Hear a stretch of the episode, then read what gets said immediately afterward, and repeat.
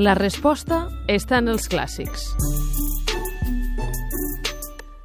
I a la resposta estan els clàssics. Tenim un professor que, a més a més, és doctor en filologia de l'editorial eh, Barsino, el Joan Santanà, que és el nostre medievalista de capçalera, li diem, que avui ens ha portat un passatge de l'Osomni de Bernat Metge que ens parla de la mort i de com gestionar el que es pot sentir davant de la mort. Què ens has portat?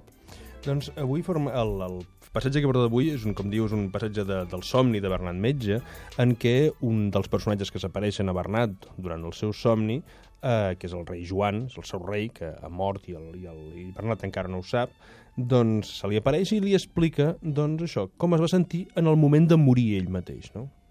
I diu, diu el següent, el passatge.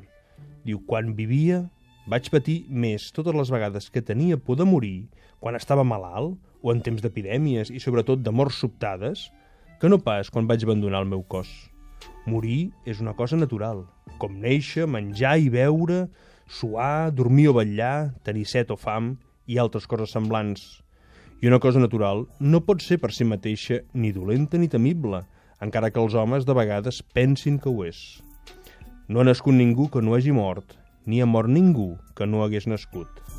És que cal que en fem un rebombori tan gran d'una cosa que veiem cada dia? I és que ens serveix d'alguna cosa, tema allò que no podem evitar? M'has fet pensar en les experiències aquelles de gent que ha tornat de la mort i explica coses com aquestes, eh? Sí, seria una mica el cas, tot i que, diguem, això és una recreació sí, literària. Sí, sí, sí, sí. Com, que, quin sentit té? Mm, Explica un fragment com aquest als nostres fills. Uh, és delicat, perquè la mort sempre és una cosa delicada i, a més a més, tal com la vivim avui en dia, que tendim a amagar-la, amaguem la malaltia, amaguem la, la mort... I, uh, però, clar, diguem, jo crec que el, que, el, que el que ens explica metge aquí és uh, a dir, la mort és una cosa absolutament natural. I, per tant, tots els que hem nascut morirem i no hi ha hagut mai ningú que nasqués i que no hagués mort. Per tant, si és una cosa natural, el millor és afrontar-la amb la màxima naturalitat. I això no, no, no treu la tristesa que ens pot causar la, la, la pèrdua d'un ésser estimat.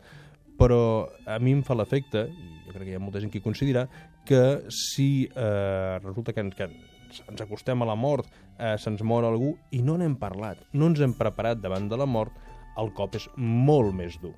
I per tant, jo aquí, diguem, des de la, humilment, des de la meva posició de comentarista de fragments eh, de textos clàssics, doncs aniria per aquesta banda, dir, eh, la mort l'hem de tenir present. No, no cal que estiguem pensant sempre en la mort, però hem de saber que existeix una cosa que és la mort. I de vegades hi ha petits exemples de la natura que són molt senzills i són una manera molt poderosa de parlar I molt il·lustratiu. de la mort. On ho podem trobar, això? El fragment aquest de, de l'Osomni de Bernat Metge el trobarem a l'adaptació que va fer l'Alba de Déu per al test de clàssics d'Editorial Barsino, que forma part al seu torn de la Fundació Carulla. Doncs avui aquest passatge, l'Osomni de Bernat Metge. Moltes gràcies, Joan Santanac. Moltes gràcies a vosaltres.